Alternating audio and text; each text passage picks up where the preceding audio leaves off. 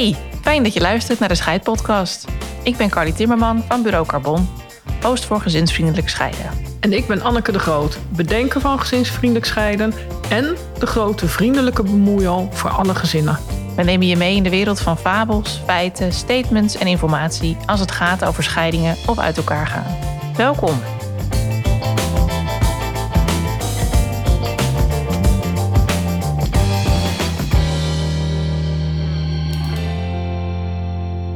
Vandaag in de podcast Anneke de Groot, de grote vriendelijke bemoeial op het gebied van scheidingen. Zeg ik dat goed, Anneke? Ja, ik denk dat je dat wel goed zegt als ik heel eerlijk ben. Ja. De GVB. Ja, de GVB uh, in scheidingsland, dat klopt wel. Ja. ja. Anneke, jij hebt als visie dat je de zaken echt grondig wil veranderen in scheidingsland. Kun je daar wat meer over vertellen? Wat wil je dan precies veranderen? Wat wil ik veranderen? Nou, ik, ik heb nogal wat op mijn verlanglijstje staan. En uh, met name zou ik willen dat er vanuit de overheid ook en ook vanuit verschillende beroepsorganisaties verantwoording wordt genomen dat er beter opgeleide uh, scheidingsbegeleiders moeten zijn in Nederland die weten wat ze doen. Ik vind dat er te veel beunhazen zijn die er een makkelijk verdienmodel van hebben gemaakt over de rug van veel ouders en gezinnen. Die daar echt de dupe van worden, zonder dat ze ook maar enige kennis hebben of weten wat ze doen in scheidingsland. En ik vind dat gewoon uh, ja, een blamage voor mijn eigen beroep. En ik weet gewoon van mezelf dat ik uh, jaren studie hierin heb zitten. En dat je het niet redt om maar even ergens een cursusje te doen. En dat je dan maar gezinnen gaat begeleiden uh, die uit elkaar gaan. En waarbij je zoveel kennis nodig hebt op emotioneel, sociaal, fiscaal, financieel, juridisch vlak. En die is er gewoon niet. En dat is waar ik mij ontzettend boos over maak al een aantal jaar. En ik denk de vele mensen die mijn blogs ook lezen op LinkedIn, die herkennen dit wel. Dat ik altijd stelling neem. Uh, en dat zal ik ook blijven doen. Ja, het kan echt beter. Duidelijk. Einde rent. hey Anneke, waarom uh, maak jij deze podcast terwijl er al zoveel zijn? Ja, heb ik uiteraard heel goed over nagedacht. Omdat ik toch wel merk dat het voor cliënten echt heel lastig zoeken is... waar haal ik nou mijn informatie vandaan? Uh, hoe ziet zo'n scheiding eruit? Er zijn veel fabels in scheidingsland, daar wil ik aandacht aan besteden. En vooral, hoe kan ik cliënten zo bewegen... Uh, en ook de professionals, hè? Uh, dat het beter kan worden voor cliënten in scheidingsland. Ja, dus de wereld verbeteren wil je. Ja, dat is ook wel de bijnaam die ik heb van bijna al mijn vriendinnen. Anneke is echt onze wereldverbeteraar. Oh, ja. En vandaar ook het woord bemoeien al, dat herken ik wel. en dat hoor ik ook wel vaak terug van collega's. Uh, ja, als Anneke ergens is, die vindt overal iets van. Ah ja. En gelukkig wordt er achteraan ook wel gezegd, uh, wel altijd opbouwend. Oh, dat is fijn. Ja. Dus je fakkelt niemand af. Nee, dat, en dat is denk ik ook wel van waaruit dat ik werk. Dat is de geweldloze communicatie. En soms wordt dat de verbindende communicatie genoemd. En soms de liefdevolle combinatie, uh, communicatie. Excuses. En dat vind ik denk ik wel belangrijk uh, om dat ook aan cliënten mee te geven. Hoe groot de ellende ook is of kan zijn tijdens een scheiding. Of als je uit elkaar gaat. Als we bijvoorbeeld uh, over samenwoners hebben. Dat er ook toch altijd liefde is. En dat uit zich in die geweldloze communicatie. Ja, dat ze dat meekrijgen van mij en vooral leren om te kijken van uh, wat is er geweest, wat gaan we afsluiten uh, en hoe gaan we het in de toekomst doen. Ja, en wat gun jij de cliënten die een scheiding overwegen of die al een scheiding hebben meegemaakt? Wat wil je ze meegeven? Ik wil ze meegeven voornamelijk uh, dat je weet van elkaar Waar zeggen we ja, waar zeggen we nee tegen? Dat is heel belangrijk in zo'n proces. Uh, hoe gaan we onze ouderrol blijven vervullen in de toekomst? Want dat gaat nooit veranderen. Je blijft ouder, wat je ook doet. Als er kinderen zijn, natuurlijk. Ja, zeker als er kinderen zijn, uiteraard. Uh, en wat ik ze ook mee wil geven, uh, is dat hoe complex een scheidingsproces ook is, wij hakken het in hele kleine stukjes voor je. Ja. En stap voor stap begeleiden we je daarin. En soms kunnen mensen binnen twee maanden helemaal klaar zijn. Ja. Uh, en hebben ze het echt goed geregeld. En is er duidelijkheid en rust voor het gezin. En soms hebben ze langer de tijd nodig. En Ja. ook dat is prima. Maar elke scheiding is anders en het is altijd maatwerk. En uit wat voor stukjes bestaat zo'n scheiding dan? Kun je kort een soort overzicht geven? Eh, ja, we gaan kijken van wat is er nodig voor jullie om te regelen. Dat is ook per gezin anders. Maar wat je bijna altijd nodig hebt is een convenant. Dat is het document waarin jullie alle afspraken gaan nemen... en waar de advocaat en de rechtbank ook iets van gaan vinden. Oké. We stellen een gezinsplan op. Wij maken geen ouderschapsplan, maar wij maken een gezinsplan. En dat is zeker bij kleinere kinderen altijd tijdelijk. Omdat je dan rust hebt en kan kijken van... eh, oké, maar hoe gaat dat eigenlijk in de praktijk? Eh, dus je kan geen plan maken voor 15 jaar. Stel dat je nu uit elkaar gaat en het kind is drie... Ja, Ja, kan ik niet aan jou vragen... kom Carly, voor 15 jaar even zeggen hoe je dat gaat doen. nee. Nee, doen we gewoon niet. Eh, we maken hem voor 6 tot 12 maanden. En ik ga eerst maar eens kijken. Wat is fijn voor Ja. ons gezin en wat past wel en wat past niet. Eh, we gaan kijken wat zijn jullie bezittingen en schulden. Is er wel of niet geïnvesteerd, bewijzen van. Zijn er schenkingen of erfenissen. Ook dat brengen we in kaart. En dat noemen we dan de vermogensopstelling. Eh, en we gaan een kinder- en partneralimentatie-berekening maken als dat nodig is. Kinderalimentatie is altijd nodig. Partneralimentatie soms wel, soms niet. En toch vinden wij het belangrijk om hem wel te maken, zodat je echt weet met elkaar: dit is eruit gekomen en hier zeggen we ja of nee tegen. Ja. ja, want merk jij dat eh, cliënten die bij jou komen nu zich realiseren hoe groot dat proces is van uit elkaar gaan? Nee, Ik denk ook inderdaad, als ik het op mezelf betrek, dan zou ik denken, ja, dat doen we even. ja, klopt. En ik merk hier ook aan cliënten dat ze in het begin wel even schrikken van, ah ja, dat is wel heel veel en is dat wel nodig? En eh, dan leg ik ze dat ook uit. Hè. Wat kunnen eventueel de gevolgen zijn als je het nu niet goed afspreekt of Ja. nu niet goed regelt? Eh, dan kan het zijn dat je daar over twintig jaar echt financieel last van hebt. Ja, Uh, en ook dat brengen we in kaart. Wij laten echt zien hoe gaat je toekomst eruit zien. Ook daarin, waar zeg je ja en waar zeg je nee tegen. ja, Uh, en dat is eigenlijk wat de scheiding gewoon complex maakt. Omdat het veel is wat je moet afspreken met elkaar. En wij proberen gewoon niets te laten liggen. Dat als je hier de deur uitgaat, dan weet je gewoon...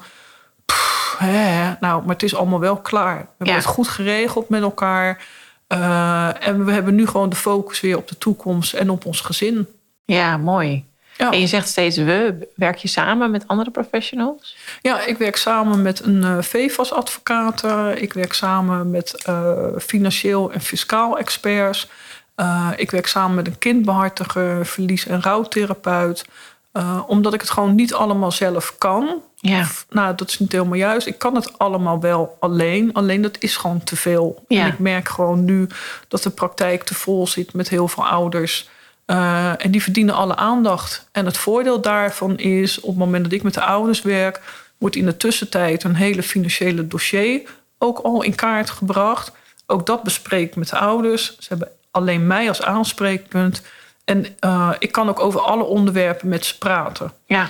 Dus als zij zeggen, ja, we willen dit afspreken, dan kan ik ook zeggen, nee, wacht even, want fiscaal mogen jullie dat bijvoorbeeld niet afspreken. Ja, ja, ja. Uh, nou, ze kunnen ook iets af willen spreken. Dan kan ik zeggen, ja, maar juridisch mogen jullie dat niet eens afspreken. Nou, en dat is wel prettig. Uh, dat ik daarover met ze van gedachten kan wisselen. Ja. We denken vaak out of the box. Uh, soms zeg ik, jongens, roep maar van alles wat je zou willen. En dan kijken we gewoon, wat is de beste oplossing voor iedereen. Ja. Uh, wat wij niet doen, is een compromis sluiten. Want ja, die zijn niet houdbaar. Ja, leg eens uit. Ja, uh, dan kijken ze mij ook altijd aan van ja, maar een beetje geven, nee, een beetje water bij de wijn. Dan zeg ik nee, daar werk ik gewoon niet aan mee. Uh, het is echt niet houdbaar. Jullie moeten afspraken maken waar je allebei voor 100% achter staat. Je moet echt leren onderhandelen met elkaar. Ja. En daar valt of staat het hele scheidingsproces mee. En op het moment uh, van ondertekenen, dat heb ik één keer gehad.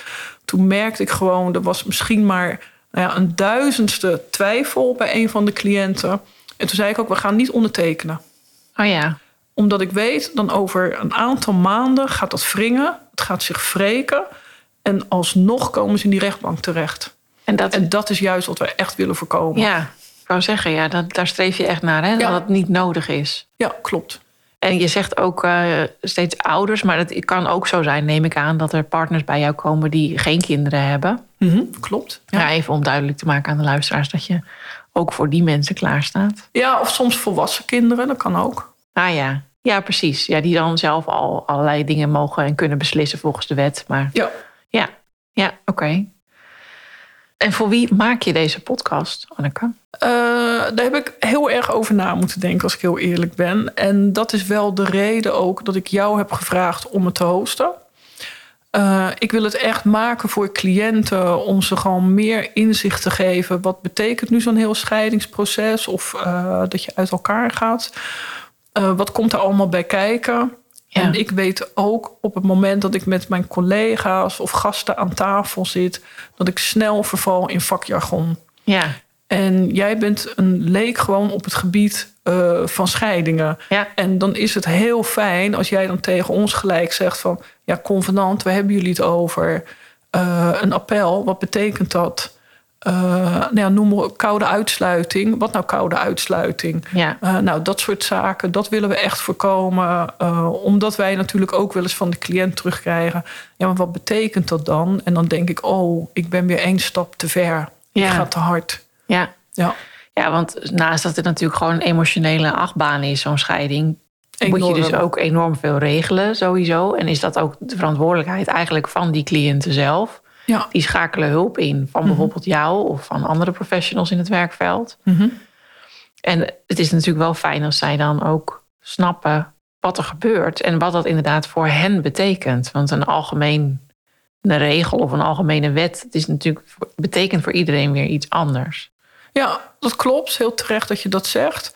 En ik denk vooral dat de complexiteit van het familierecht en uh, de juridische wetgeving wat er is. Het, uh, we hebben ook de fiscale wetgeving we hebben mee te maken. De pensioenwetgeving ja. hebben we mee te maken. Uh, we gaan bijvoorbeeld ook kijken naar testamenten, de hele verzekeringsportefeuille. Het is zo ontzettend veel.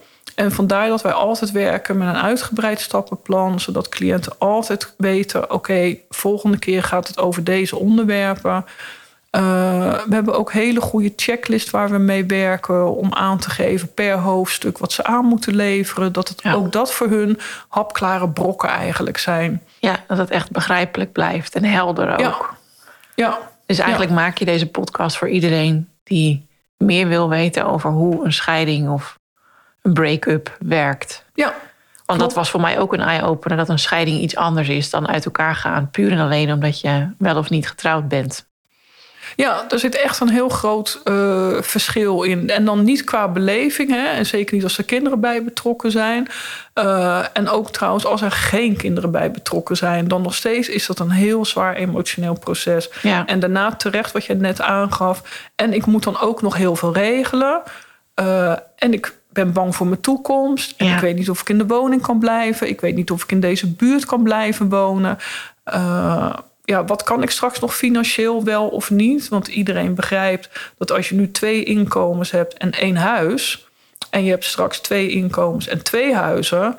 ja, financieel gaat dat er heel anders uitzien, je Ja. toekomst. Nou, hoe gaan we dat opvangen? Stel dat jouw partner komt te overlijden net na de scheiding. maar jij bent wel afhankelijk van zijn partner en kinderalimentatie. Hoe Ja. ga je dat regelen? Ja, dat zijn allemaal vragen. Wij nemen echt alles met je door. Ja. Ja. Mooi. Fijn dat er zo'n podcast komt, lijkt mij. Ook al is het misschien niet het allervrolijkste onderwerp. Jij Nee. maakt er toch wel weer wat leuks van. Ja, dat gaan we zeker ook proberen. En dat geef ik ook altijd mee aan de cliënten. Uh, we huilen hier en soms echt even met elkaar. En we kunnen knuffelen. Dat is door de corona wel wat minder. Maar ook daar hebben we al iets op gevonden. Uh, Wat dus heb dat- je erop gevonden dan? Uh, ja, nou ja, daar hebben we op gevonden. Ik heb dat heel erg nodig. En ik merk met name mijn cliënten ook die hier komen.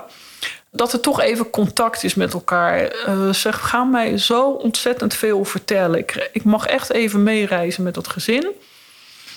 Uh, ik mag inderdaad meereizen met zo'n gezin. En ze gaan alles met mij delen. Er zijn op dat moment geen geheimen meer. Wij halen alles uit de kast om boven tafel te krijgen. En zij moeten letterlijk en figuurlijk alles uit hun kasten gaan halen. Ja. Uh, en dan is dat heel persoonlijk en soms ook heel indringend. En de gesprekken zijn soms zo intens verdrietig. En daarna kunnen we ook weer even lachen. Maar dan gaan ze hier ineens weg. En dan komen ze soms weer even in die op dat moment voor hun koude, boze buitenwereld. En als ze hier dan bij de deur staan, dan nu al bijna automatisch draaien ze zich met de rug naar me toe. En ik wrijf gewoon heel even over hun rug. En ik zeg ze echt even dag. En ik bedank ze nogmaals voor het gesprek. Maar dat er heel even dat kleine stukje contact is. Ja. Ja, en daar moeten ze ook altijd om lachen. Ze gaan ook echt klaarstaan. Nou, Anne, vergeet je mij niet. En dus, nee, natuurlijk vergeet ik je niet. Ja, en dat is gewoon een fijne afsluiting. En je sluit het ook echt even af. Ik denk dat dat ook heel belangrijk is. Ja, misschien behoud je het wel ook na de hele coronatoestand, de coronetten. Ja, misschien wel. Ja, ja. De fabel in scheidingsland van deze aflevering is... denk dat we echt van de fabel af moeten om te blijven wijzen naar die ouders. Met dat vingertje van let wel op, jullie moeten die kinderen op de eerste plaats zetten. Jullie moeten het regelen in het belang van de kinderen. En dat kan niet. En daar mogen we niet eens boos over zijn richting de ouders. Leg eens uit, hoe, hoezo kan dat niet? Omdat je op dat moment afscheid moet nemen als liefdespartners. Uh, dat vraagt echt heel veel. Dat vraagt echt een afsluiting.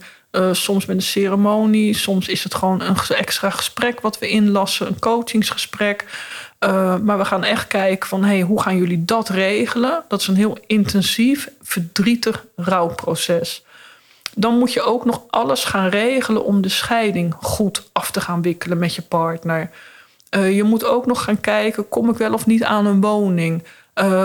Op dit moment is ook nog de vraag voor veel ouders: blijf ik mijn baan behouden? Ja. Er zijn zoveel onzekerheden. En dan moet je ook nog die perfecte ouder zijn.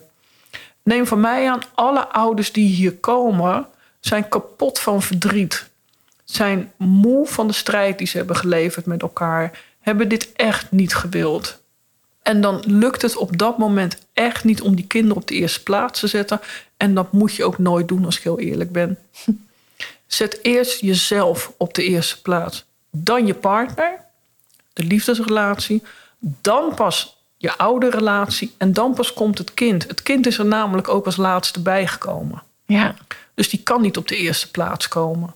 En wie ben ik om te zeggen dat er ouders zijn die het belang van hun kinderen niet voor ogen hebben?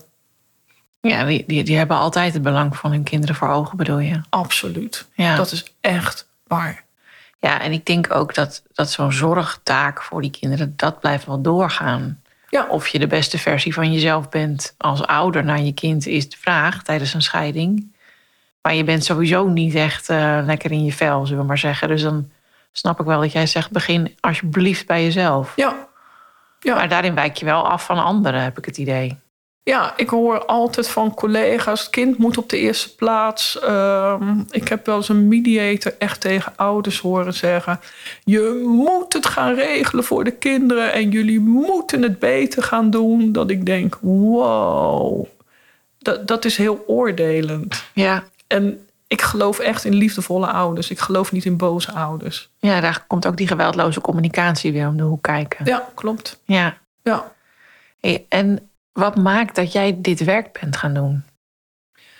Uh, ja, die vraag wordt mij echt altijd gesteld, als ik heel eerlijk ben. Uh, ik weet niet of dat te maken heeft uh, met mijn eigen jeugd. ik kom uit een ontzettend vervelend gezin. Nou, niet het gezin zelf, maar ik had gewoon echt geen leuke ouders. En die zijn godzijdank gescheiden toen ik 15 was. Uh, dat is een van de eerste scheidingen trouwens die ik ook heb geregeld. Omdat mijn vader dat niet kon. En mijn moeder was ineens weg. Uh, nou, dat was ook de beste stap die ze op dat moment kon nemen. Uh, dus toen ben ik dat gaan regelen voor mijn vader. Nou, welke papieren zijn dan nodig? Ik ben naar een advocaat geweest om te vragen... wat mag ik wel en wat mag ik niet? En dan moeten we niet vergeten... dan heb ik het over bijna 43 jaar geleden. Daar was echt een taboe op. Ja. En vertellen dat uh, je ouders uit elkaar zijn en dat je moeder weg is gegaan, nou, dat vertel je niet. Uh, daarnaast ben ik altijd bezig geweest op de een of andere manier om uh, in gesprek te blijven, ook met kinderen van school. Of als ik ergens op visite kwam en ouders konden wel eens ruzie hebben. Uh, om daar dan in te springen. En uh, me ook daar al mee te bemoeien, bewijzen van. ja, dat, dat is nooit anders geweest. En ik ben pas gebeld door een hele oude schoolvriendin. En die zei ook van, ik moet jou gewoon bedanken... want door jou zijn mijn ouders bij elkaar gebleven.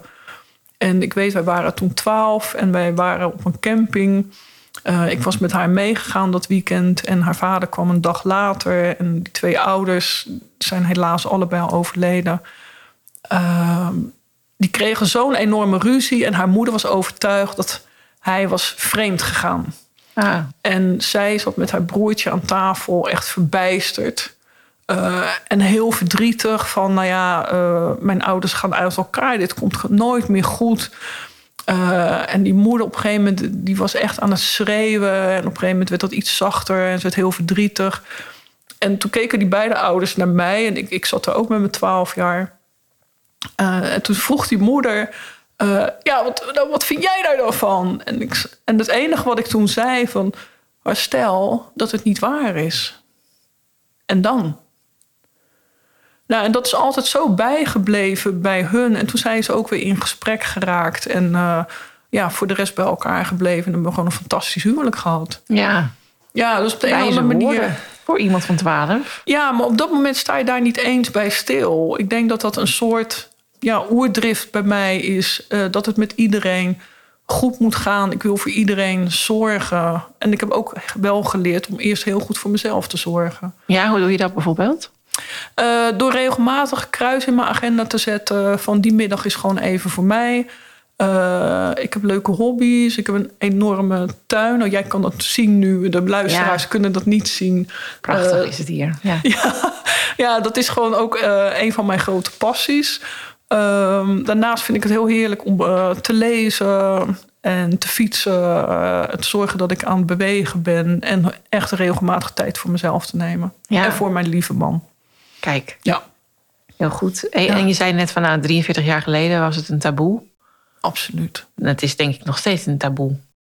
Uh, nou, ik vind ook wel dat het iets minder wordt. Dat wel een klein beetje taboe van scheiding eraf gaat.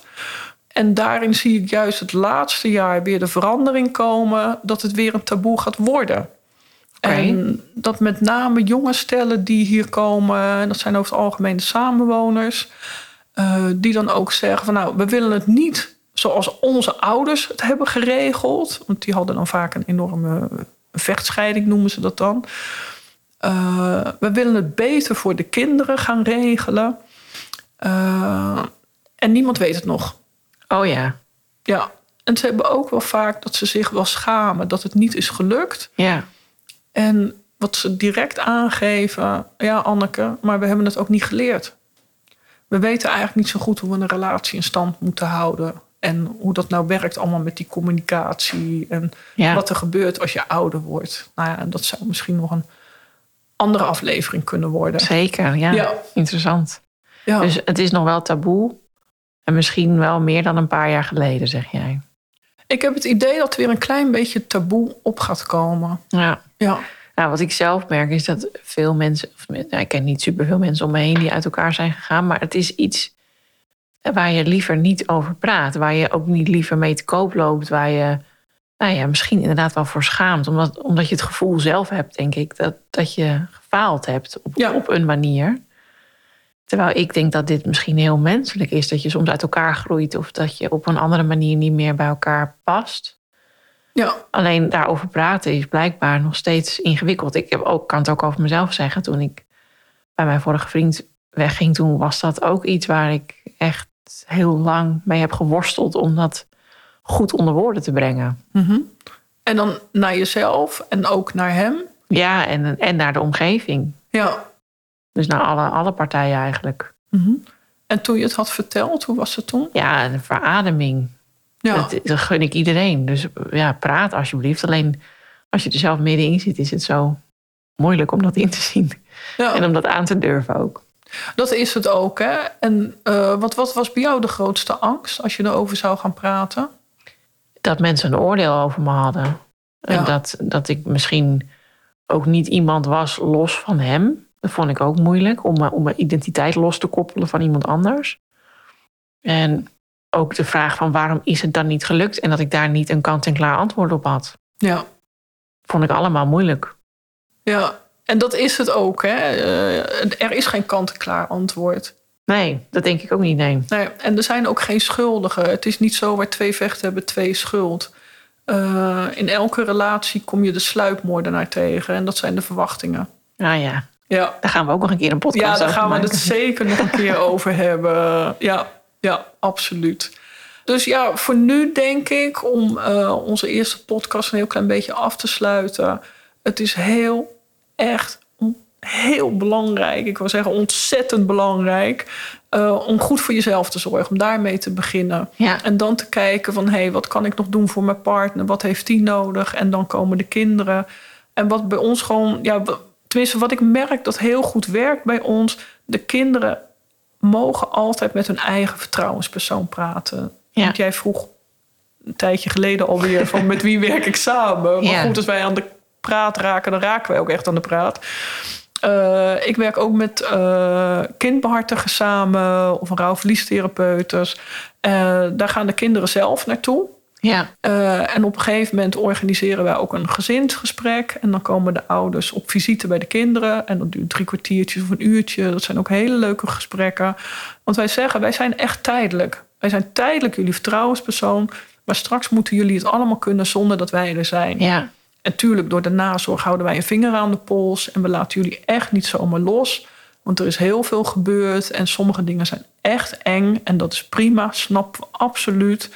Wij zijn er gewoon altijd. En wij merken ook na twee, drie jaar is het goed. Ja. Ja.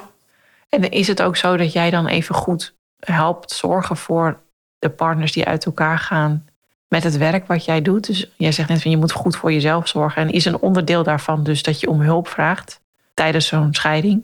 Ja, dat is gewoon heel belangrijk. En dat geef ik de ouders ook mee. Uh, van het is sowieso al heel fijn dat jullie dat doen. Want je laat ook aan je kind zien. Uh, het is helemaal niet erg. En Ja. er zijn soms dingen waar we gewoon hulp bij nodig hebben. En of dat nu is bij de aanleg van je tuin. Als je gaat trouwen, mensen nemen een weddingplanner. Ja. Uh, vandaar ook waarschijnlijk dat er ook de scheidingsplanner is. Ja. Ja, dat is gewoon heel belangrijk. En dan geef ik ook aan ouders mee. Als kinderen vragen hebben, zeg gewoon... joh, we zijn daar met Anneke over aan het praten. Die gaat papa en mama daarbij helpen. Uh, en we gaan samen kijken wat is voor jullie ook fijn. Jullie mogen ook echt gewoon wat vertellen. En dat doen ze dan uh, nou, hier vaak in Kastrikum bij Marielle van der Laan. Uh, en soms werkt zij met de ouders, werk ik met de kinderen. Daar kunnen we ook in afwisselen. Maar het is wel belangrijk dat kinderen leren: eten is prima. Soms heb je hulp nodig. En we geven ook aan: het is tijdelijk. Ja. En kinderen worden vaak ook nieuwsgierig. En soms heb ik ook wel dat ouders binnenkomen. En dat ze zeggen: ja, maar ze willen je nu echt gewoon een keertje zien. Ja, ja. Ja, nou, dan ga ik of langs bij het gezin. Of we plannen dat gelijk in bij Marielle. En dan ga ik ook aan de kinderen gewoon uitleggen: wat doe ik en waar praat ik over. Zonder dat ik ze daarmee belast. Zij Ja. hoeven niet te weten wat ouders financieel of fiscaal gaan regelen. Nee, alsjeblieft niet. Nee. Nee, nee, echt. Dat, is voor kinderen ook niet belangrijk. Kinderen kunnen daar wel van wakker liggen, want die horen veel van ouders, nemen veel mee. Ja. Uh, maar we gaan wel kijken van, hé, hey, er zijn regels. Die bepalen papa en mama. En afspraken, daar hebben jullie ook iets over te vertellen. Ja. Ja, Mooi. Nou, ik ben heel benieuwd naar de komende aflevering, Hanneke. ja ik ook. En leuk ook dat we nu al uh, ja, enthousiaste aanmeldingen hebben voor de gasten. Ja, Ja. zeker. Nou, Dus jij ook alvast bedankt. Ik Yes. kijk uit naar uh, alle podcasts en onze samenwerking. ik ook. Dankjewel, Carly. Jij ook. Graag gedaan. Veel dank voor het luisteren. Zit jouw hoofd nog vol met vragen? Wij horen ze graag. Geen vraag is te gek als het om jouw toekomst gaat en om de toekomst van je gezin.